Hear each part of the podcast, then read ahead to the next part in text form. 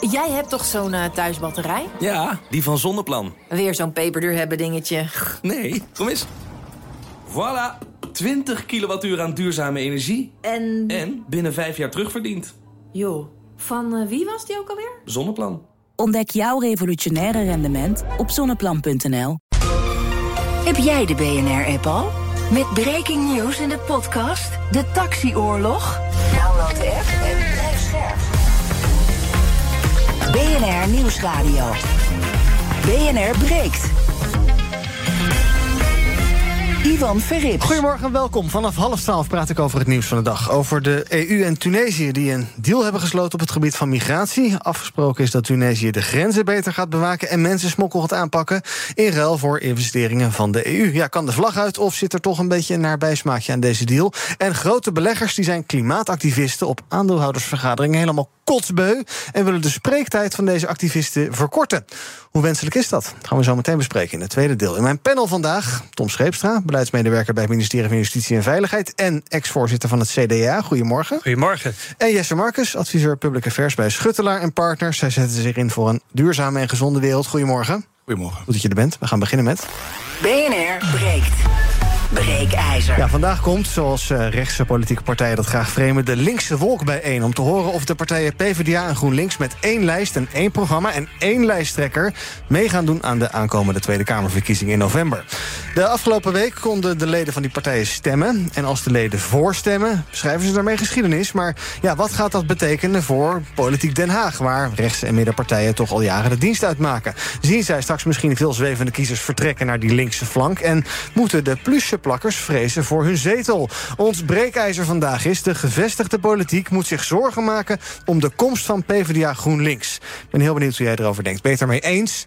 Zou deze nieuwe samenwerking zomaar eens ja, nieuw elan kunnen bieden... aan linkse partijen die tot nu toe vooral rollenbollend over straat gingen? Is het ook tijd voor nieuw linksgeluid? Of heb je er geen vertrouwen in dat deze samenwerking... ja, ook daadwerkelijk constructief kan zijn? Is het vrijwel onmogelijk deze partijen met elkaar te laten samensmelten? En hebben ze eigenlijk wel een antwoord op de vragen van deze tijd? Als je wil reageren Pak je je telefoon. Bel je naar 020 468 4 keer 0 Dus nu bellen 020 468 4 keer 0 Dan spreek ik je zometeen in de uitzending. Je kan ook reageren via Instagram. Daar heten we BNR Nieuwsradio. Stemmen in de stories. Maar het leukste is even bellen.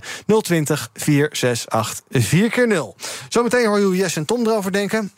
Ik begin met Mats Akkerman, politiek verslaggever van BNR... en Alex Klusman, voormalig campaigner voor de PvdA... oprichter van. BKB. Goedemorgen allebei. Goedemorgen. Goedemorgen. Alex, begin maar even bij jou. Breekijzer vandaag. Um, de gevestigde politiek moet zich zorgen maken om de komst van PvdA GroenLinks. Wat denk jij? Want dat dat gaat gebeuren, dat is wel vrij zeker. Maar gaat dit ook een aardverschuiving betekenen? Ik, je moet heel even je vragen halen, want je viel helemaal weg bij mij. Oké, okay. ik vroeg of uh, je denkt dat de gevestigde politiek zich zorgen moet, moet, maken om de komst van die. Ja, uh, nou, het is geen fusie, maar om de komst van die samenwerking, die uh, gedeelde lijst. Nou, ik zou zeggen, het is een enorme kans. Dus ja, ze, ze mogen zich wel degelijk zorgen maken. Um, zeker als die gedeelde lijst uh, zichzelf nog verder weet te verbreden dan alleen maar PvdA GroenLinks, maar het echt een linkse, een linkse samenwerking wordt. Mm -hmm. Dan denk ik dat het echt een, uh, voor, voor de rest van Politiek Den Haag een, een zorgwekkende ontwikkeling is. Ja, want wie moet er dan nog meer allemaal bij? Ik zou het zo breed mogelijk, ik zou het link, de linkse samenwerking zo breed mogelijk maken. Dus dan, dan denk je aan Esther Ouwehand en haar Partij voor de Dieren uh, bijeen met uh, Sylvana Simons, de SP wellicht.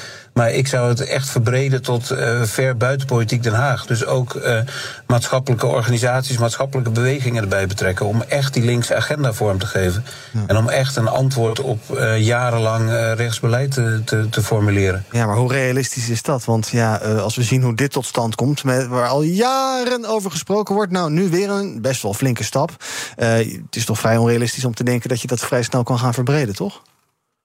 Nou, dat weet ik niet. Ik denk dat we, dat we zo lang onder, uh, onder een, rechts, een rechtsbeleid hebben geleefd... dat er ook een hele gro grote groep, een nieuwe generatie is... Die, die daar klaar mee is en echt een nieuw geluid wil horen. Weet je, hoe realistisch was het uh, een, een, aantal jaar geleden... dat er duizenden mensen uh, de A12 zouden bezetten? En hoe realistisch was het dat daar gewoon gezinnen bij zouden zitten? En dat is ook gebeurd met Extinction Rebellion. Dus ja, er is wel degelijk een mogelijkheid om een grote beweging uh, vorm te geven. Ja, Oké, en sinds het eh, opstappen van Rutte 4 is er veel mogelijk, weten we ook. Dus laten we daar zo verder over praten. Kijk even naar Mats van Breekijzer vandaag. De gevestigde politiek moet zich zorgen maken om de komst van PvdA GroenLinks. Hij gaat later vanmiddag ook naar die bekendmaking van, uh, uh, van, die, van, die, van die ledenpeiling van de afgelopen week. ja, wie zit er vandaag op het puntje van hun stoel in Den Haag, denk jij? Nou ja, ik denk toch wel de, de andere partijen die kans maken om de grootste te worden. Want als we een beetje kijken naar de laatste verkiezingen, dan hebben partijen van de Arbeid en GroenLinks toen samen in de Eerste Kamer 15 zetels gehaald. Nou, vertaal je dat naar de, naar de Tweede Kamer, dan kom je op 30. En daarmee zou dus wel een serieuze kanshebber zijn om de grootste te worden. Samen met de VVD en de Boer-Burgerbeweging. Als je afgelopen half jaar naar het speelveld kijkt. Uh, eh, BBB houdt Caroline van der Plas. De VVD krijgt een nieuwe lijsttrekker. Deze nieuwe linkse combinatie krijgt een nog onbekende nieuwe lijsttrekker. Dus ja, sinds het vertrek van Rutte is het speelveld behoorlijk opengebroken. En dan kan zo'n zo'n nieuw groot blok op links... Ja, kan best wel uh, een kanshebber zijn voor het torentje... als ze de goede lijsttrekker hebben en de goede campagne. Maar uh, ja, ik denk dat er wel naar gekeken wordt door bijvoorbeeld een VVD... met uh, waar gaan zij mee komen en met wie vooral. Ja, dan hebben we afgelopen vrijdag gezien dat Jesse Klaver zich heeft aangesloten... bij de PvdA als lid. Is dat een stuntje of is dat meer dan dat? Nou ja, misschien is dat uh, voor hem even om duidelijk te maken dat hij in ieder geval de intentie heeft om uh, ook op die gezamenlijke lijst te komen en door te gaan. Heeft hij overigens nog niks over gezegd, over of hij door wil. Uh, hetzelfde geldt voor Adje Kuiken van de PvdA, die heeft daar ook nog niks over gezegd. Um, dus dat moeten we gaan zien. Maar ja, het is natuurlijk wel een statement. Hij had ook een opiniestuk erbij geschreven in de krant. Keerpunt 23 noemde hij het, vergelijking met dat andere keerpunt ergens in volgens mij de jaren 70. Maar daar zou je een historicus even bij moeten halen. Maar um, ja, hij, hij laat in ieder geval op op alle mogelijke manieren zien dat hij het echt heel erg graag wil. Rondje in het panel, dan gaan we zo meteen naar de bellers. 020 468 4 keer 0 De gevestigde politiek moet zich zorgen maken om de komst van PvdA GroenLinks. Tom, wat vind jij? Oh ja, wat mooi, want dan begin je dus met de historicus. Nee, ik ben toch iets sceptischer. Uh, ja, die linkse wolk die is er nog niet. Hè? Want inderdaad, Partij van de Dieren, maar ook deze... Voor de dieren, niet van de dieren. voor de dieren. Ja, uh, die zijn er nog niet bij betrokken. Uh, Partij van de Arbeid en GroenLinks, nou, van een fusie of een echte samenwerking is nog helemaal geen sprake. Want in de noordelijke provincies en in Limburg, daar is de Partij van de Arbeid zonder GroenLinks in een uh, coalitie gaan zitten. Mm -hmm. ja, en ik denk dat vooral de VVD gaat hopen dat D66 een hele sterke campagne gaat voeren. Want dan krijgen we GroenLinks, die gewoon een aanval krijgt van D66 met Jette als nieuwe energie voor Nederland. Mm -hmm. En dan gaan ze zelf dus vechten van wie is de groenste partij. Ja. En dan denk ik dat VVD en BBB wel eens heel blij als soort derde lachende uh, weg kunnen lopen. Omdat links en D66 en de Partij van de Dieren dat wordt de splinter, die gaan de zetels verdelen. Okay, ja. En daarmee zijn ze dus net niet uh, ja, goed genoeg om die nummer één positie te claimen. Jij verwacht er niet zoveel van. Jesse, wat denk jij? Nou, ik verwacht er op zich wel veel van. -hmm. um, de problemen onder Rutte, onder meer dan tien jaar Rutte, zijn zo hoog opgelopen dat volgens mij het evident is dat er behoefte is aan een nieuw geluid. Uh, en volgens mij is dat, nieuwe, is dat een nieuw linksgeluid. Uh, dat kan eventueel worden aangedreven door D66. Dat lijkt me een hele mooie coalitie in ieder geval, waar, waar Tom op, uh, op preludeert. Maar Um, ja, het is denk ik wel een gevaar dat het zo voorzichtig gaat de hele tijd. Ja. Dus de, hierna komt dan een programma. Hierna komen ze, nou, dan zijn ze angstvallig over stil. Wie gaat het dan ja. worden? Wie wordt dan de twee? Want de, de, de, de 1 en 2, dat, is natuurlijk, dat moet natuurlijk wel af, afgewisseld zijn. Ja. Uh, zijn er wel genoeg vrouwen? Uh, weet je, dat, dat zijn allemaal punten waar dan ineens twee partijen, twee hele grote partijen, Partij Blijf heeft natuurlijk een hele lange uh, historie in de Nederlandse geschiedenis. moet het daar ineens dan over eens gaan worden? Dus ik zie daar wel heel veel problemen nog. En 22 november komt dichtbij. Ja. Ja, we hebben ook de, de kanshebbers al gezien, hè? Moorman en uh, Timmermans, al allebei op filmpjes. De ene bij Nieuwsuur, de ander bij AT5. En die zijn allemaal heel voorzichtig. En ja, eerst maar de leden afwachten. Oh, oh, oh, wat ja, Maar het komt gevoelig. ook, wat echt gezegd wordt door, door allebei de panelleden hier... is het, het komt wel heel snel. Ja. Want we hebben de Eerste Kamer net gehad. De voorzichtige samenwerking. De fracties zijn er gefuseerd tot één fractie... met wel losse kieslijsten. In de provincies gaat het inderdaad zeker niet overal goed. Althans, ja, dat is hoe je er naar kijkt of het goed gaat of niet. Mm. Maar je ziet dat ze daar zeker niet altijd samen optrekken. En er zouden eigenlijk de eerstvolgende verkiezingen zouden de Europese verkiezingen zijn volgend jaar. En ook daar uh, ging het nog niet lukken om daar gezamenlijk in te gaan. Um, en nu in één keer komen die Tweede Kamerverkiezingen heel snel en wordt dit onder een soort van stoom en kokend water uh, ja, klaargestoomd. Uh, maar de vraag is inderdaad hoe succesvol dat dan kan zijn op korte termijn. Ja, voordat ik naar de bellers ga, Alex, welke, welke synergie hopen deze partijen hiermee te bereiken? Want ja, je moet wel iets creëren wat groter is dan de som der delen. Ja, dat zeker. En daar schuilt ook echt het grote gevaar. Dat is precies wat Jesse ook zei. Het grote gevaar schuilt erin dat we met een, met een eh, telraam erbij gaan, gaan tellen hoeveel van GroenLinks en hoeveel van PvdA op de lijst staan. Of het allemaal wel om en om gaat. En dat als je, als je dat uh, niet weet te voorkomen, dan denk ik dat het een hele moeizame strijd gaat worden in die verkiezingen. Je moet kiezen voor de beste lijst. Je moet kiezen voor de beste, uh, het beste campagneteam. En dat moet je niet met een telraam gaan doen. Uh, zijn er zoveel van GroenLinks, dan moeten er ook zoveel van de Partij van de Arbeid bij. Okay. En datzelfde, daar, daar moeten ze ook bij het kiezen van een lijsttrekker over, over hun eigen schaduw heen stappen. En denken we moeten de beste lijsttrekker hebben. En niet degene die dan net aan de beurt is, omdat het nu de PvdA of GroenLinks is die, die aan de beurt is. Dus je gaat daar ook geen vrienden mee maken. Je moet harde keuzes maken. Er moeten harde keuzes worden gemaakt. Er moeten harde keuzes gemaakt worden om een kans te maken tegen het rechtse blok. We gaan onze bellers 020 468 4 keer 0 Wie hangt er het langst te wachten? Ja, het zal dus niet. Rob Quist, goedemorgen. Ja, goedemorgen Iwan, met Rob uit de beeld. Ja, ik ben het niet eens met de stelling hoor. Want de stemmen van de arbeidersklasse, groot 29 zetels... die ze tijdens Rutte 2 onder leiding van Diederik Samson verloren hebben... ja, die komen niet meer terug. En dan te bedenken dat ze ook nog uh, Rutte in het zadel hebben gehouden... via gedoogsteun in de Eerste Kamer. Ik denk dat ze gewoon, dus, uh, ze willen de versplintering op links tegengaan. En dat betekent gewoon stemmen afsnoepen van andere linkse partijtjes. Zoals de Partij van de Dieren en misschien uh, Volt of zo, maar maar nee. Maar het is een initiatief geweest van Rutte. Hè. Zo is het tot stand gekomen. Tijdens de formatie in 2021, tijdens Rutte 4. Geen twee linkse partijen, want het is te veel. Nou, toen zijn ze gaan samenwerken. Vind ik hm. ook een gunstig teken. Ja, maar jij verwacht er dus vrij weinig van. Dankjewel voor het bellen, Rob. Jan, goedemorgen. Goedemorgen, Ivan. Nou, ik ben het uh, niet eens met de stelling. Ik denk niet zozeer dat de gevestigde politiek zich uh, veel zorgen moet maken over een, uh, een, samenwerking tussen GroenLinks en de PvdA, maar eerder de hele samenleving. Want we krijgen daar toch wel met een vrij grote partij te maken. Of in ieder geval, ja, je kan het bijna één partij noemen. Inmiddels in de gemeenteraadsverkiezingen hebben ze ook al natuurlijk opgetreden als één lijst. En um, ja, als we dan dadelijk ook nog uh, de situatie krijgen waarin mogelijk Frans Timmermans terugkomt uit Europa met in zijn kielzog Diederik Samson, dan weet ik niet of dat het nou zo heel goed is voor uh, de samenleving. We moeten op een moment ook uh, kunnen werken met z'n allen en, en, en groente en fruit en, en, en, en wellicht nog vlees voor wie dat wil uh, ja. Uh, ja. kweken, telen, hoe je het noemen wilt. En we willen ook nog wat bouwen. Ja. En ik weet niet wat er van die plannen allemaal terecht komt. Dus jij ziet weinig vooruitgang dan? Mm, ik eh, ben er bang voor. Het zou goed zijn als op rechts ook wat meer samengewerkt en wellicht gefuseerd ging worden. Ga ik zo voorleggen naar Alex Klusman. Dank voor het bellen. BNR Breaking News. Kort nieuws dat net binnenkomt. Er komt voorlopig geen nieuwe graandeal. Rusland trekt zich terug, terug meldt Reuters op basis van persbureau RIA. Rusland heeft Turkije en Oekraïne over die beslissing geïnformeerd. Je hoort daar eh, vandaag meer over die deal die verliep vandaag. En dat is de deal die is gebrokerd onder bemiddeling van eh, de VN en Turkije. Maar nou ja, die verlenging gaat dus voorlopig niet door. Er werd al tijden over gesteggeld. Moskou is ontevreden over die afspraken. Zegt is onvoordelig voor Russische bedrijven. Um, en nu lijkt er dus eh, voorlopig geen verlenging aan te komen. Het zou de vierde keer zijn dat er verlengd moet worden. Minstens drie maanden wilde de VN. Gaat nu niet gebeuren. Later praten we daar uitgebreid over bij. Op BNR. Ons breekijzer vandaag is de gevestigde politiek moet zich zorgen maken om de komst van PvdA GroenLinks. Praat erover met uh, vandaag uh, twee panelleden. Te weten Tom Scheepstra, die is uh, beleidsmedewerker bij het ministerie van Justitie en Veiligheid. En Jesse Marcus, adviseur Public Affairs bij Schuttelaar en Partners. Ook bij hem zijn Alex Klusman, voormalig campaigner voor de B PvdA. En Mats Akkerman, politiek verslaggever van BNR. Um, ja, nou, wat we net gehoord hebben. Ja, links, we moeten toch wel ook wel een beetje kunnen doorgaan met ons land, Alex. En links heeft die oplossingen niet. Nou, ik vond, het, ik vond de bijdrage van de laatste beller echt buitengewoon hoopgevend. Het feit dat hij zoveel, zich zoveel zorgen maakte om de eventuele komst van Timmermans en Samson in zijn kielzog, betekent dat je daar al een kandidaat hebt die, uh, die een enorm contrasterend verhaal heeft. En dus ook heel veel kiezers kan aanspreken. Naast dat hij veel kiezers kan afstoten. Maar je kan, als je een goed uh, groot verhaal hebt, kan je natuurlijk niet iedereen aan je binden. Maar het feit dat hij, dat, dat tot zorgen leidt en tot, tot dit soort reacties stemt mij weer erg hoopvol. Ja, waar gaat die kiezers van aantrekken dan, Timmermans? Die gaat hij uh, trekken uit een bevolking die uh, het beu is om uh, eh, 15 jaar onder, onder Rutte te hebben ge, gezeten. Waarin alle basisvoorzieningen zijn, zijn afgeschaald.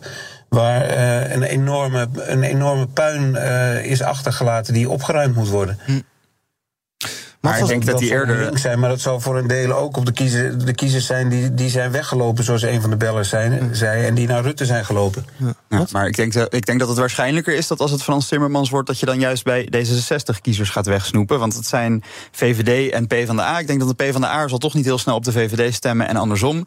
D66 heeft het vorige keer onder Kaag heel erg goed gedaan. En toen hadden we het Kaag-effect, nieuw leiderschap. Um, en PvdA en GroenLinks hadden toen allebei een slechte verkiezingsuitslag.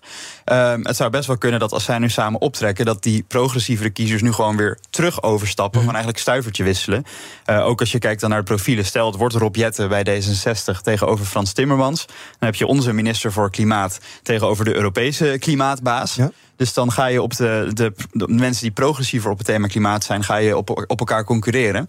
Maar dat zal misschien niet per se betekenen dat, dat links als blok dan groter gaat worden. Nee. En Mats, als we even kijken naar peilingen. Uh, dit weekend, Maurice de Hond. Daar moet je altijd bij zeggen, er zijn geen verkiezingen. Dus ja, hoe relevant zijn peilingen? Maar toch, wel opvallend hè. Uh, drie partijen die allemaal 25 zetels halen. Nou, zeg ja, het maar. Dat, is, dat, zijn? Ja, BBB, VVD en het linkse blok. Ja. En uh, ja, ik weet, ik ben geen peiler, dus ik weet nooit hoe dat nou precies zit met die betrouwbaarheid ervan. Maar volgens mij is het wel vrij uh, lang geleden dat we zo'n zo'n drie-strijd hadden. En dat er niet een duidelijk uh, afgetekende winnaar was. Uh, BBB stond volgens mij de laatste tijd elke keer stevast bovenaan. Zeker na de provinciale statenverkiezingen. VVD ging wat slechter, maar nu Rutte heeft gezegd dat hij weggaat. Lijkt daar toch ook weer een groep weer naar terug te komen. Ja. Die dan toch blij zijn dat ze hebben gebroken. Dat het kabinet is gevallen. En die misschien hopen dat de VVD een nieuwe coalitie over rechts kan gaan vormen. Ja, misschien krijgen we wel weer paars als die links, als VVD en het linkse blok groot worden. En D66 een beetje als de bijwagen. Het kan allemaal. Tom, als ik jou even inzet als... Uh, ja, maar... Ja, want, ja, heel, Tom, ja, Tom? Ja, want, nou ja, Paars, hè, waarom kwam Paars om het CDA buitenspel te zetten? En dan zie je dus dat mensen alweer zenuwachtig worden. Want laatste peiling ook CDA weer plus 2. Ja.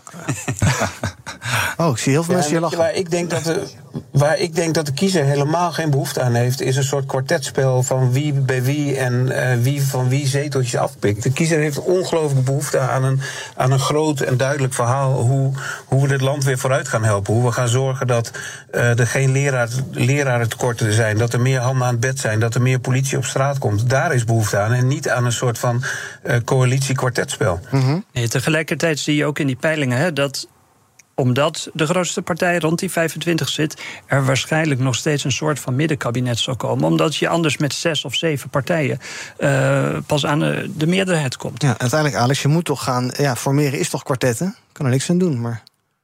Ja, ja, maar we zijn nog niet aan het formeren. We moeten eerst nog een hele verkiezingscampagne gaan voeren. We moeten eerst nog uh, mensen naar de stembus laten gaan. Ja. En nou, het, wat me ook opvalt is dat, dat de andere panelleden D66 tot het progressieve blok uh, rekenen. Dat zou ik, zou ik niet willen doen als je ziet in wat voor kabinet zij hebben gezeten.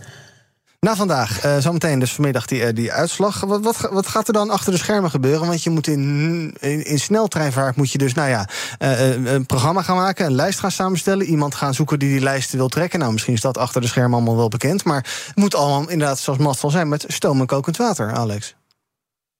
Ja, nou, ik hoop dat dat uh, echt razendsnel gebeurt, die lijsttrekker aanwijzen. Want dat is het allerbelangrijkste volgens mij. En daaruit volgt vanzelf wel het programma. En, uh, en die lijst die daar achteraan uh, hobbelt. Maar het allereerste wat moet gebeuren is een lijsttrekker aanwijzen. En wat mij betreft gebeurt dat deze week nog. Oh ja, maar mag ik daar een vraag over stellen? Want... Laten we het in vredesnaam niet in een, lijstre in een interne lijsttrekkersverkiezing doen. nee, dat, niet doen. Dat, dat, wil niemand, denk ik, daar. Maar waar ik dan wel benieuwd naar ben, uh, daar weet jij misschien, Alex. Um, hoe gaat dat dan? Want normaal hebben partijen hebben een eigen programmacommissie. Nou, nu heb je twee programmacommissies, dat moet er dan waarschijnlijk één worden. Ze hebben eigen commissies om de kandidatenlijsten samen te stellen. Dat moet er dan ook opeens één worden. Uh, je moet ook alle critici zien mee te krijgen. Volgens mij zitten die meer ook bij de P van de A. Hoe, hoe gaat dat hele proces er dan uh, komende tijd uitzien? Dat, dat weet ik niet en daar maak ik me grote zorgen om. Omdat ik, uh, wat ik volgens mij net ook al zei, me echt zorgen maak dat ze, dat ze met een telraam of een, een notitieblok erbij gaan zeggen: Nou, we hebben op één iemand van, van, van vroeger de PvdA, dan moet er op twee iemand van GroenLinks en op drie iemand van de PvdA, op vier iemand van GroenLinks en dan moeten we ook nog man-vrouw verhouding. Het wordt een, een hopeloos gegogel als je het op die manier gaat doen. Dus ik denk dat je zo snel mogelijk die, die partijstromingen achter je moet laten. En meteen moet redeneren vanuit een nieuw links geluid, een nieuwe linkse beweging. En zeggen het ongeacht wat hun vroegere afkomst was, we maken gewoon de beste lijst die er, die er te maken is. Ja. En, en, en het beste programma. En we gaan niet kijken of er genoeg van GroenLinks of genoeg van de PvdA in zit. En als we dan kijken naar namen die rondgaan voor die nummer 1, nou dan uh, weet iedereen Timmermans, iedereen Moorman. Abu Talib wordt nog wel eens genoemd. Dat zijn allemaal PvdA'ers. Waar zijn de GroenLinksers? Ja, maar dat is precies wat we niet moeten doen, volgens mij. We, we, dat, en ik snap dat we dat doen, maar volgens mij moeten we daar, moet, moet in ieder geval PvdA GroenLinks daar zo snel mogelijk overheen stappen. Overigens denk ik dat dat wel lukt. Want mijn gevoel is dat de GroenLinksers niet zoveel moeite hebben met de PvdA. En dat de paar mensen die uitgesproken openlijk critici zijn van de samenwerking, dat zijn voornamelijk een paar PvdA'ers. Uh, ik denk, je hoort meer mensen voor de samenwerking. Maar de, de uitgesproken tegenstanders zitten meer bij PvdA-huizen. Maar goed, dat kun je dus misschien wel weer wegnemen, die zorgen met een PvdA-lijsttrekker. Want GroenLinks lijkt het allemaal minder een probleem te vinden. Hm. Um, kan je zeggen, Mats, is jouw indruk dat uh, we hebben nu opeens verkiezingen binnenkort over een paar maanden, dat eigenlijk misschien alleen de VVD daar goed op voorbereid was? Want die waren opeens als een duveltje uit een doosje was uh, uh, Dylan Jezuguster. Sterker nog, André Bosman heeft zich teruggetrokken als lijsttrekkerskandidaat voor de VVD. Meldt de NRC. Een Krijgen we toch niet die spannende verkiezingsstrijd nee. bij de VVD? ja, ik denk dat de meeste partijen hier nog niet klaar voor waren. Ik denk dat er wel een gevoel was dat het kabinet niet de rit uit zou gaan zitten. En dat, dat partijen daar wel echt mee bezig waren. Maar dat het zo snel zou komen, dat komt toch voor de meeste partijen onverwacht. En dat, dat geeft het wel een bijzondere dynamiek, omdat iedereen op veel, op veel kortere termijn een nieuwe lijsttrekker moest gaan zoeken. En bij sommige partijen, bij, bij het CDA bijvoorbeeld, ligt dat echt nog helemaal open. Uh, ja, die gaan pas in augustus met een kandidaat komen. Dus ja. dan weten we voorlopig helemaal niet uh, waar ze mee te dealen hebben straks in de campagne. Nee, dat is eigenlijk wel onvoorstelbaar, hè? Ja, ja. in drie maanden. En vergeet niet dat, dat de boer-burgerbeweging al hartstikke klaar staat. Hè? Die, die zijn niet meer gestopt met campagne voeren. Mm -hmm. Dus die zijn ook helemaal klaar voor de verkiezingsstrijd. Ja, maar die hebben dan wel weer het nadeel dat ze alle goede kandidaten die ze konden vinden, uh, na een heel lang selectieproces op de lijst voor de Eerste Kamer hebben gezet.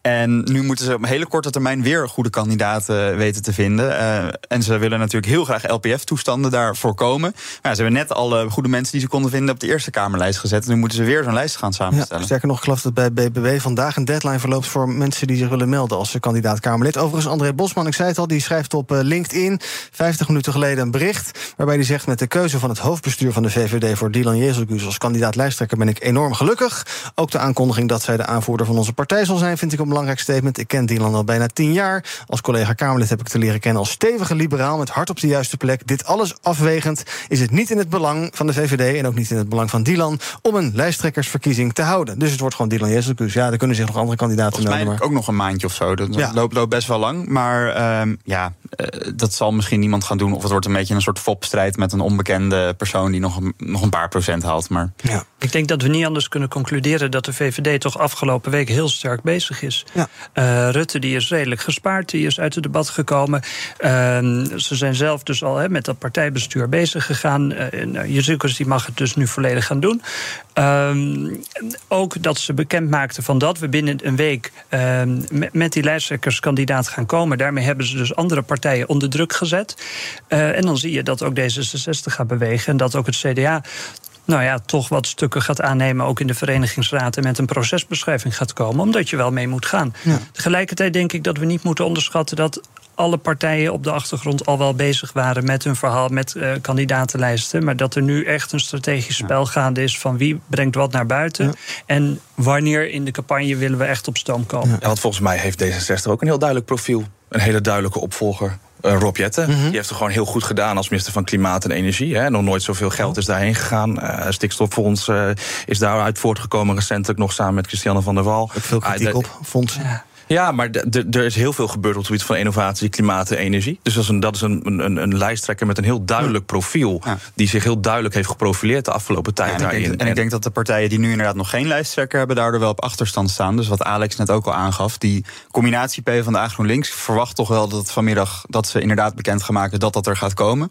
Maar ze zullen er echt bij gebaat zijn om snel ook met een kandidaat te komen, zodat die profiel kan opbouwen in de komende vier ja. maanden. Yes, vier maanden inderdaad en een paar dagen en dan zijn er verkiezingen. Uh, vijf dagen, vier maanden en vijf dagen om precies te zijn. Waar ga je op letten de komende tijd? Uh, ik ben heel benieuwd wat het thema gaat worden. De laatste tijd hebben we gewoon heel erg het thema landbouw en stikstof gezien. Uh, toen ineens kwam daar eigenlijk die, as, ja, die asielcrisis kwam daarbij. En uh, wat gaat nou de komende tijd centraal staan? Het ging hier al de hele tijd over klimaat. Ja. ik denk dat dat een heel belangrijk onderwerp is voor mij ook persoonlijk. Dus ik hoop dat dat naar voren komt. Onder klimaat zou je natuurlijk nog altijd landbouw en stikstof kunnen vallen. Maar ik hoop dat het eindelijk eens een keer discussie gaat in Nederland over bredere zaken. Dus klimaat, wonen. Uh, is er is, er nog, is er nog voldoende salaris bijvoorbeeld voor iedereen? Ja. leraren tekorten, Alex noemde het net al, alle tekorten die zijn ontstaan in de zorg. Ja, laat het nou eens een keer gaan over waar willen we naartoe als land. Ja, en intussen blijft er ook voor Mats genoeg om te volgen. Ik zei het al, Bosman die zich dus terugtrekt bovenste twee regels van teletext. Oude hand wil door als lijsttrekker, Bikker wil lijsttrekker ChristenUnie worden. Recess is geen recess hè, dit jaar. Ja, en veel vrouwen, dat vind ik een positieve ontwikkeling. Dank, ja, en jongeren. Oh. Ik, en dat is waar ik op ga letten. Welke partij durft nu echt te vernieuwen en ook veel jongeren op die lijsten? Want ik denk dat dat ook uh, echt de volgende stap is. In plaats van zeggen, gelukkig inderdaad steeds meer vrouwen, steeds meer mensen met een migratieachtergrond, maar nu ook die jongeren. Ik dank Mats Akkerman, politiek verslaggever van BNR. Vanmiddag dus te horen in de Daily Move met uh, ja, de uitkomst van die ledenraadpleging van PvdA en GroenLinks. Gaan zijn gezamenlijke lijst maken voor de Tweede Kamerverkiezingen. En ook dank aan Alex Klusman, oud-campaigner voor de PvdA. Op Instagram is 60% het eens met de stelling de gevestigde politiek moet zich zorgen maken om de komst van PvdA GroenLinks. Daar kan je nog de hele dag laten horen op eh, BNR Nieuwsradio op Instagram. Zometeen gaan we even praten over de graandeal tussen Oekraïne en Rusland. Die gaat Rusland niet verlengen. Zometeen hoor je onze Europa-verslaggever Geert-Jan Haan. En we hebben het over klimaatactivisten bij aandeelhoudersvergaderingen. Beleggers zijn er namelijk klaar mee en vinden dat de spreektijd van demonstranten moet worden ingeperkt. Allemaal zometeen over een paar minuten in het tweede deel van BNR Breek. Tot zo omdat u nooit 100% veilig bent, helpt Noordweef u om altijd voorbereid te zijn op een digitale aanval. Ga voor meer cyberresilience naar noordweef.nl.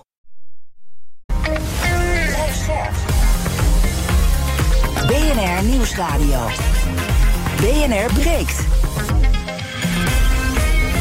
Ivan Verrips. Welkom terug. In mijn panel vandaag Jesse Marcus, adviseur Public Affairs bij Schuttelaar en Partners. En uh, Tom Scheepstra, beleidsmedewerker bij het ministerie van Justitie en Veiligheid. We gaan praten over het nieuws van de dag. En dat begint met het volgende, want Rusland trekt zich terug uit de graandeal. Althans, wil niet verlengen. Het land heeft Turkije en Oekraïne laten weten dat het tegen een verlenging is, meldt Reuters op basis van het Russische persbureau RIA. We praten er nu even kort over met onze Europa-verslaggever Geert-Jan Haan. Goedemorgen, Geert-Jan. Goedemorgen, Ivan. Waarom wil Rusland niet door? Nou, het is een woordenspel, dus ik ga je een klein beetje aanvullen. Mhm. Eh, Rusland schort de deal op. En dat betekent dus niet dat de deal nu uh, niet meer terug kan keren. Maar de woordvoerder van, uh, van Poetin, meneer Peskov, die geeft aan dat de deal wordt opgeschort tot het moment dat de voorwaarden die Rusland stelt worden ingewilligd. En dan zijn ze. Um, in principe niet daarover in overleg met Oekraïne. Want de graandeal is als volgt opgesteld. Dat is een deal tussen Oekraïne, Turkije en de Verenigde Naties en tussen Rusland, Turkije en de Verenigde Naties. En Rusland zegt ja, wij hebben een aantal voorwaarden die we willen, bijvoorbeeld op het gebied van um, uh, landbouw. Wij willen dat onze uh, export op het gebied van uh, kunstmest ook weer meer op gang kan komen, bankensysteem dat te veel aan banden is gelegd. Kortom. Hiermee wordt eigenlijk, uh, worden de andere partners van de deal onder druk gezet. En uh, daarom zegt Rusland nu: op dit moment schorten we het op. Ja, uh, opschorten. Aan de andere kant, de deal verliep ook vandaag. Dus is het dan de facto na vandaag dood, de deal? Nee, de deal is niet dood.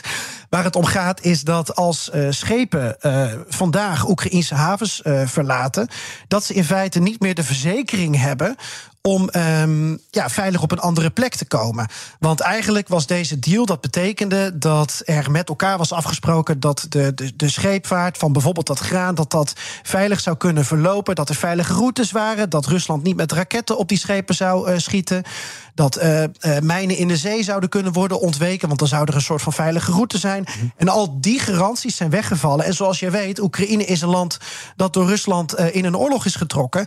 En daarmee zijn er natuurlijk ook een heleboel verzekeraars die geen zin hebben om risico te lopen. En uh, ja, dat is dus de reden dat de Oekraïnse scheepvaart het zo zwaar heeft en afhankelijk is van eigenlijk wat Rusland wil. Ja, uh, dit had geloof ik de vierde verlenging van die graandeel moeten zijn. Hè? De VN wilde graag uh, voor minstens drie maanden. Um, ging dit vorige keren nou ook zo rommelig? Ik geloof het wel, hè? Ook met veel gedoe, die verlengingen. De rode lijn is dat elke keer Rusland uh, tot op het laatste moment uh, lijkt af te wachten. Uh, met tegenvoorwaarden komt en zegt: wij willen dit en dit. En tot nu toe um, hebben ze niet heel veel ervoor teruggekregen. En werd de deal toch door hen verlengd. vandaag hangt de vlag er dus iets anders bij, al dus Peskov. Maar ja, mijn mijn inschatting op dit moment is dat de deal dus niet dood is, maar op mhm. dit moment even niet functioneert. Nee. Heeft het nou nog iets te maken met die, ja, iets wat nog steeds mysterieuze uh, explosie, ontploffing op die Krimbrug van uh, vannacht? Het zou kunnen, omdat dat natuurlijk een moment van zwakte uh, voor Rusland is. Als die Krimbrug uh, weer als kwetsbaar object in het nieuws komt. Tegelijkertijd denk ik dat deze beslissing ook wel eerder is genomen. Uh, omdat Rusland de afgelopen dagen ook al duidelijk aangaf: ja, we zetten weer alles en iedereen onder druk om het onderste uit de kant voor de deal te halen. En, en let op, Ivan, deze deal is ook voor Rusland heel belangrijk, zowel qua aanzien in de wereld. Mm um, als ook uh, dat ze zelf ook natuurlijk wel geld eraan kunnen verdienen. Dus het is niet zo dat um, uh, ja, Rusland nou alleen maar Oekraïne ermee dwars zit. Ze ja. zitten zichzelf en een heleboel landen ermee dwars. Oké, okay, ze hebben er ook belangen bij. Tot slot, hoe gaat dit nu verder? Wat is dan een volgende stap in ja, toch praten over een al dan niet verlengen van die deal? Vanuit uh, het Kremlin wordt gezegd: uh, pas als de andere partijen water bij de wijn doen, um, willen wij weer praten over dat die deal verder kan gaan. En vanuit uh, Turkije horen we geluiden dat dit mogelijk aan bod komt als Erdogan en Poetin elkaar zien. En er zou mogelijk een fysieke ontmoeting in augustus zijn tussen die twee in Turkije.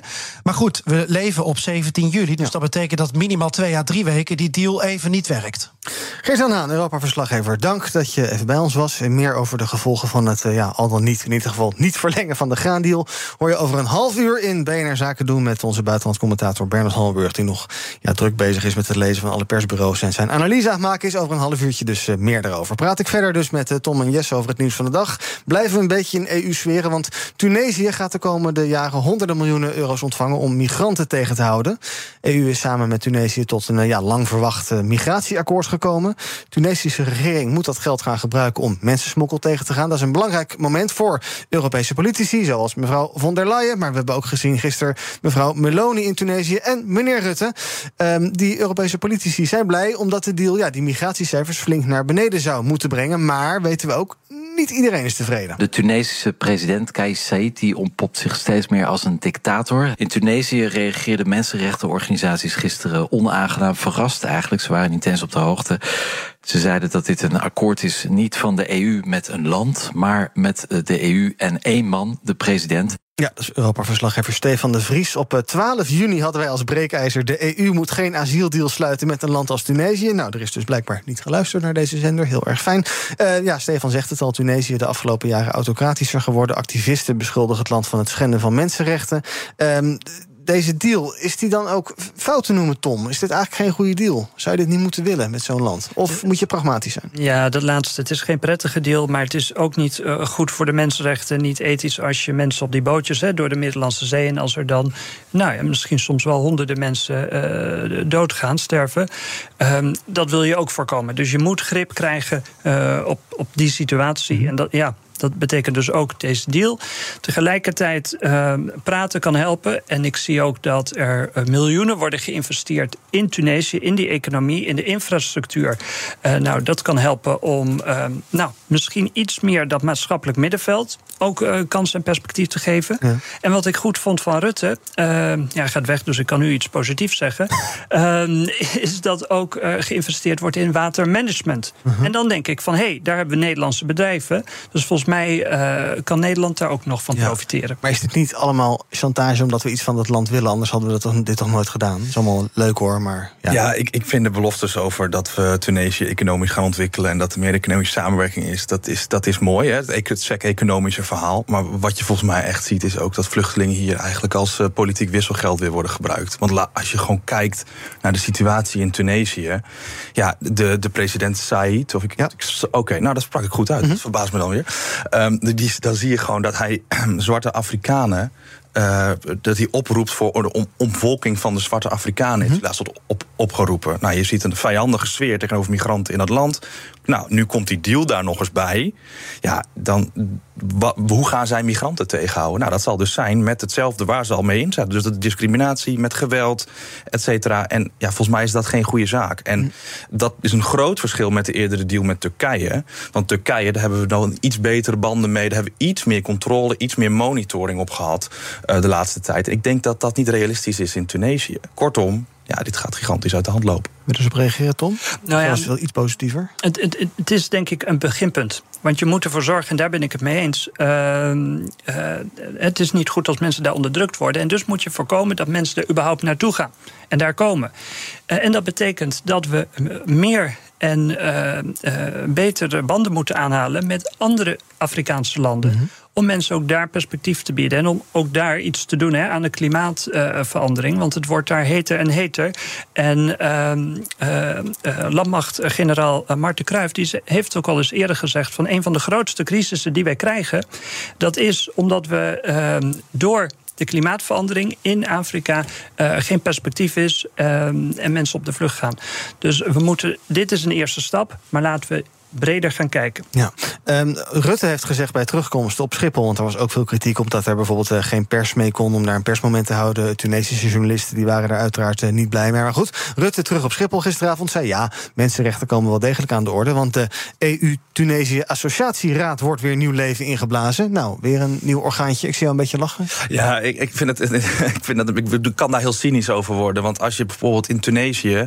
dat wordt in toenemende mate steeds meer autocratischer. Dus daar is niet zoiets als een levendige. Uh, je hebt daar geen instituties, je hebt daar geen civil society. Daar zijn, dat, dat land hangt van hulporganisaties aan elkaar. Dus als je dan een soort van institutie opbouwt. wat dan die EU en Tunesië aan elkaar koppelt. ja, hoe wordt dat geborgen dan in Tunesië, waar een president zoveel macht heeft?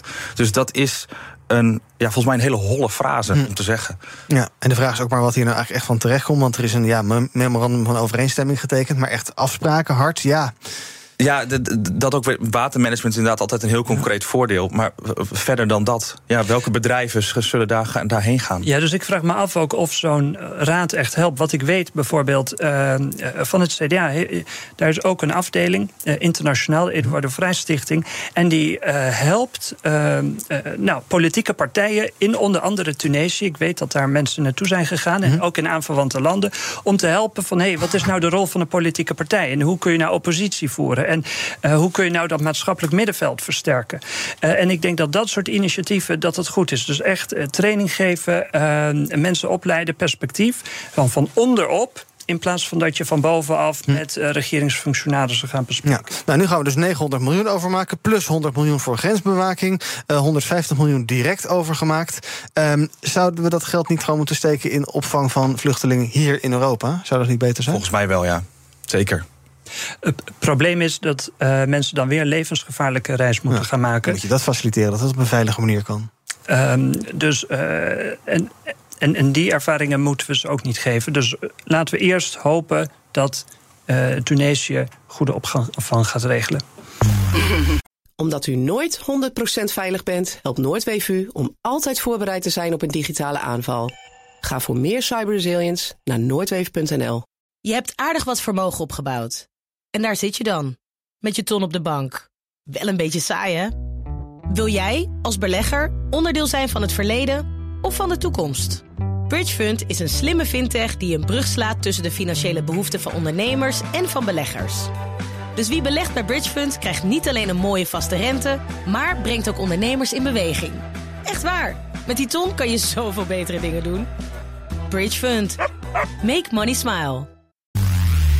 BNR breekt. Kan niet wachten, joh. We gaan uh, kijken naar wat mijn panelleden is opgevallen in het nieuws. Jesse, jij hebt een artikel meegenomen. In de uh, URL stond... twee bejaarde mannen willen klimaatbeleid impuls geven. Ja. Over wie gaat dit?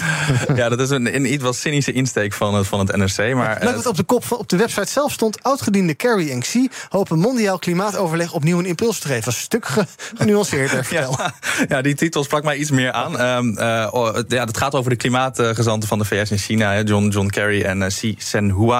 En die hebben elkaar weer gesproken omdat in, uh, in november uh, in het uh, Verenigde Arabische Emiraten is er weer een klimaattop. Um, en wat blijkt, geen enkel land doet op dit moment genoeg om de doelstellingen van Parijs te halen. Dus die mondiale opwarming die gaat niet onder de anderhalf tot twee graden komen als we op deze manier zo, zo doorgaan. -hmm. Um, dus wat is nodig? Uh, dat de grootste landen, de grootste uitstoters, uh, de, de, landen met het meeste invloed, geopolitiek gezien, dat die weer de koppen bij elkaar steken om nou ja, die klimaatbeloftes eigenlijk te gaan uh, herijken. Um, dat heeft tot nu toe niet echt heel veel goed gebracht, want onder Trump is, dit, ja, is alles verzuurd. Mm -hmm. um, maar Biden heeft John Kerry aangesteld, de klimaatgezant, die is al een tijdje bezig. Maar die hebben nu weer. en China heeft gedacht van oké, okay, ja, hoe kunnen we dit nou op dit moment weer opnieuw nieuw leven inblazen? Zet hun bij elkaar. En dat heeft volgens mij uh, iets uh, heel cynisch. Ja. Dat wij op dit moment van inderdaad twee bejaarde mannen, zoals de titel al doet vermoeden van de, van, van, van de URL, dat we van twee bejaarde mannen afhankelijk zijn om uh, weer opnieuw die doelstellingen te gaan halen of te herijken. En dat, dat, ja, dat, dat, dat vind ik toch erg jammer. Dat hier niet. Um, uh, dat hier niet de urgentie wordt gevoeld van oké, okay, alle landen moeten wat doen. Maar nee, we kijken eerst weer met elkaar allemaal naar China of de VS. Ja. Daar zitten twee 70-plussers. En die moeten het dan maar weer van ons gaan bepalen. Ja, maar ja, in die clubjes, ik denk maar even in Nederland, de uh, jonge klimaatbeweging, daar zitten allerlei hartstikke ambitieuze activisten in van uh, begin 20. Maar die gaan natuurlijk geen beleid voor een land maken. Nee, nee, dat dus, is. Ja, wat is, ja, wat is het probleem? Dit zijn allemaal ervaren rotten. Nee, dat, dat is zeker waar. Maar meer van. Er wordt nergens wordt de urgentie gevoeld, volgens mij, dat op landelijk, op, op internationaal niveau, Mhm. mm -hmm. dat er meer moet worden gedaan. En daardoor wordt er nu, uh, krijg je een soort afwachtende houding van: oké, okay, wat gaan we allemaal doen? Maar dat is ook al in november. Nou, toevallig is onze verkiezing ook in november. Ja. Je ziet dat dat klimaatbeleid toch wel steeds meer naar de achtergrond aan het schuiven is. En dat, dat, dat analyseerde ook, uh, volgens mij, de Climate Action Tracker, dat is Mhm. een hele grote organisatie van allemaal klimaat. Uh, wetenschappers, die, die analyseerden dat ook. Van die zeiden van ja, op dit moment wordt er gewoon door geopolitieke spanningen te weinig beleid uitgevoerd. Er zijn heel veel plannen, maar er wordt geen beleid uitgevoerd. Nou ja, als je dan de parallel trekt naar Nederland, dan zie je ook dat wij weer verzanden in een soort van politieke discussie. Wie met wie, wat, wie, wie, wie gaat erop eens? Zoals we zoals het eerste half uur deden. Heel, heel interessant en Mhm. mm -hmm. heel erg belangrijk voor de toekomst van het land. Maar ja, er gaat wel weer een jaar weg om klimaatbeleid uit te rollen. En dat, ja, daar we komen gewoon uh, niet aan die beloftes. Nee. We gaan het gewoon niet halen. Nee, dus jij hebt ook dat klimaat in de aankomende verkiezingen een groot thema wordt. Ja. Maar heb je een hard hoofd in, denk ik? Uh, ja, ik, ja, ik, vrees dat dat naar de achtergrond gaat, ja. Ja, en dus uh, die kop in november? Ja, daar ben ik dus ook heel cynisch over. Ja. En ik, ik, ik, ik, probeer het een beetje aan te keilen met het idee van... oké, okay, laten we het nou niet aan twee bejaarde mannen laten... maar laten we het nou voelen in alle landen. Want samen met al die landen maken we deze afspraken... Mm -hmm. en hebben we die klimaatakkoorden. Ja. Maar ja, um, ik ben daar wel een beetje cynisch over. Ja, maar goed, ze gaan, uh, ze gaan uh, kletsen binnenkort weer, toch? Wat zou eruit kunnen komen in het beste geval? Uh, in het beste geval. Om een beetje positief dit blokje te eindigen. ja, kijk, als we op deze manier doorgaan, uh, dan aan de te analyseren die, die Climate Action Tracker zitten op 4 graden. Laten we, laten we hopen dat we op 2 of 2,5 kunnen eindigen. Dus, dus strenger beleid. Ja, en meer water bij de wijn. Ja, van wie? Uh, in, in, het meest geval van China. Want de VS heeft heel veel gedaan, on, zeker onder Biden. Er mm -hmm. is echt heel veel gebeurd. Uh, maar ja, daar komen ook weer verkiezingen aan. Nou, het wordt, het wordt nou wel heel cynisch, hè? Maar, maar ja, ik, ik hoop in ieder geval op, op, ja, op, op in ieder geval een hernieuwd commitment aan een gemeenschappelijk einddoel. Dat misschien wel moet worden bijgesteld. Ja. 79, hè, John Kerry? Ja. Fascinerend hoe dat in Amerika werkt. En dan hebben wij het soms over oude politici in Nederland, maar dat terzijde. Tom, jij wil het hebben over de Nijmeegse Vierdaagse. Hè? Eindelijk wat leuks. Zaterdag van start gegaan. Um, en jij wilde er even bij stilstaan. Gaat alles daar goed? Is dat ja, een ja, feest? Ik zat vanochtend te denken, ga ik het hebben over Kosovo... wat inderdaad zwaar is en, en wat negatief... Ja. of ga ik gewoon positief eindigen? Nou, gekozen voor dat laatste. Ja. Inderdaad, afgelopen weekend uh, begonnen... hoewel uh, nog niet de, de, echte marsen... maar wel natuurlijk de feesten die er ook bij horen... Um, ging volgens mij niet helemaal goed, want uh, de NS en de bussen die waren niet helemaal voorbereid. Oh. Er komen 400.000 mensen op af. Die kan ook lopen, dat zou ik denken, maar blijkbaar niet. Ja, maar ze moeten even sparen. Want um, eigenlijk, die Nijmeegse Vierdaagse, dat was voor mij iets onbekends. Totdat ik de afgelopen maanden daar meerdere uh, vrienden over heb gehoord. En toen ben ik in gaan verdiepen. En dat is dus 50.000 mensen. Het grootste wandelevenement ter wereld. Uh, militairen die meelopen van 50 verschillende nationaliteiten. Mhm. Hm. En eigenlijk gaat dat altijd goed. Um, daar is geen gedoe. Uh, daar zijn ontzettend veel vrijwilligers die uh, geestelijk of fysiek uh, gaan helpen. bladen plakken, noem maar op. Mhm. Mm -hmm. Allemaal vrijwillig. En dan denk ik, we gaan nu ook weer een campagnetijd in... waarin we gaan polariseren. Waarin we gaan zeggen van het is niet goed gegaan met het land. We missen verbinding.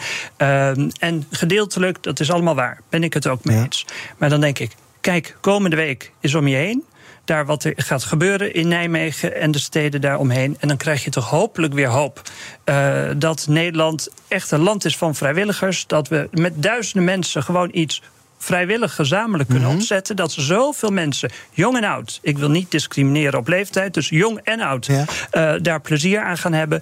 Uh, dan denk ik, hé, hey, dat is goed. En voor de mensen die dat lopen een beetje duffen en saai vinden... nou, die kunnen lekker bier drinken en gaan Ja, feesten. bij de feesten. Dus eigenlijk zie jij de Nijmeegse Vierdaagse als een soort metafoor voor de ideale samenleving. Dat denk ik Met wel. elkaar wandelen. Ik zie nu ook een soort CDA-programma voor me. Dat, dat is ook nog gezond, Ja. hè? Uh, uh, is alleen, alleen maar goed. Minder Ja. zorgkosten. En vind je dat niet leuk? ook prima. Dan kun je uh, mee gaan feesten. Dus ik zou zeggen, vanaf deze plek heel veel succes aan al die 50.000 mensen en vrijwilligers die gaan helpen. Ja, en welke afstand loop jij? Volgend jaar, ja, ik kwam er dus te laat achter. Dus daar mag ik me op vastbinden. Nou. Volgend jaar de maximale afstand. Oh, echt waar? Ja. Ga je trainen? Absoluut. Dat is 50 kilometer? Ja, keer vier. Oké. Ja, maar ik ben, af, twee maanden terug heb ik al een, soort van opwarmertje gedaan. Dus uh, nee, ik ga ervoor. Ik wens je veel succes nu alvast. Wij gaan kijken wat er training is op de socials.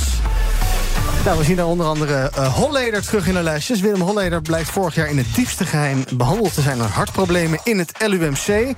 Daar is hij drie weken lang behandeld. Die uh, ingreep kon niet uh, plaatsvinden in het penitentiaire ziekenhuis van de strafgevangenis in Scheveningen. En om de rust in het ziekenhuis te bewaren kwamen bewakers van Holleder binnen in burgerkleding. En trokken ze daar pas hun uniform aan. Moest ook allemaal zeer geheimzinnig. De politie in Amsterdam heeft een bijzonder kraakpand ontruimd.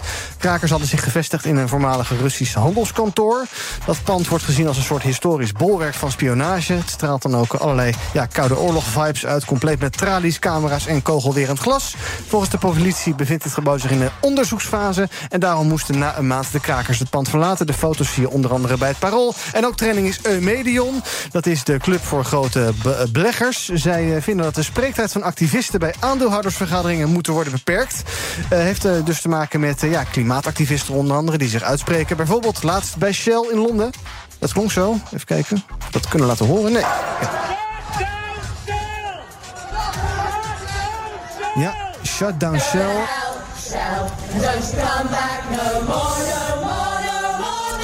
Ja, en de president-commissaris hoort het allemaal in rust aan. Echt fascinerend gebeurt ook in Nederland. Klimaatactivisten hebben bij ING en Ahold Delhaize... moederbedrijf van uh, Albert Heijn, de AVA's verstoord. Uh, moeten die een beetje ingeperkt worden, die klimaatactivisten? Jesse, zou dat wel fijn zijn? Want je kan toch geen normale vergadering voeren op deze manier? Nee, ik, ik kijk, dat geschreeuw, dat is natuurlijk geen vergadering. Dat is natuurlijk niet echt een, een uitwisseling van meningen... en van uh, wat, wat oké, vinden we nou dat Shell op het goede pad is. Dus ja. daar moet wel enigszins enige, enig fatsoen in komen.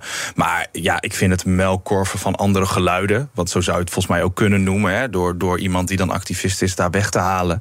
Ja, dat is volgens mij weer het andere uiterste. En ik snap het vanuit het institutionele gedachtegoed hè, van zo'n zo'n groot conglomeraat. Van oké, um, uh, wij moeten gewoon op de winstmakende koers blijven. Ja. Maar volgens mij is het heel goed om, uh, om dissidente geluiden te laten horen. Ja, maar in welke vorm dan wel? Nou, of... je zou bijvoorbeeld kunnen zeggen... want bij heel veel van die aandeelhoudersvergaderingen... kunnen ook mensen met één aandeel al ja, aanschuiven. Dat zijn deze mensen. Ja, en dat principieel aandeel ja. gekocht, ja.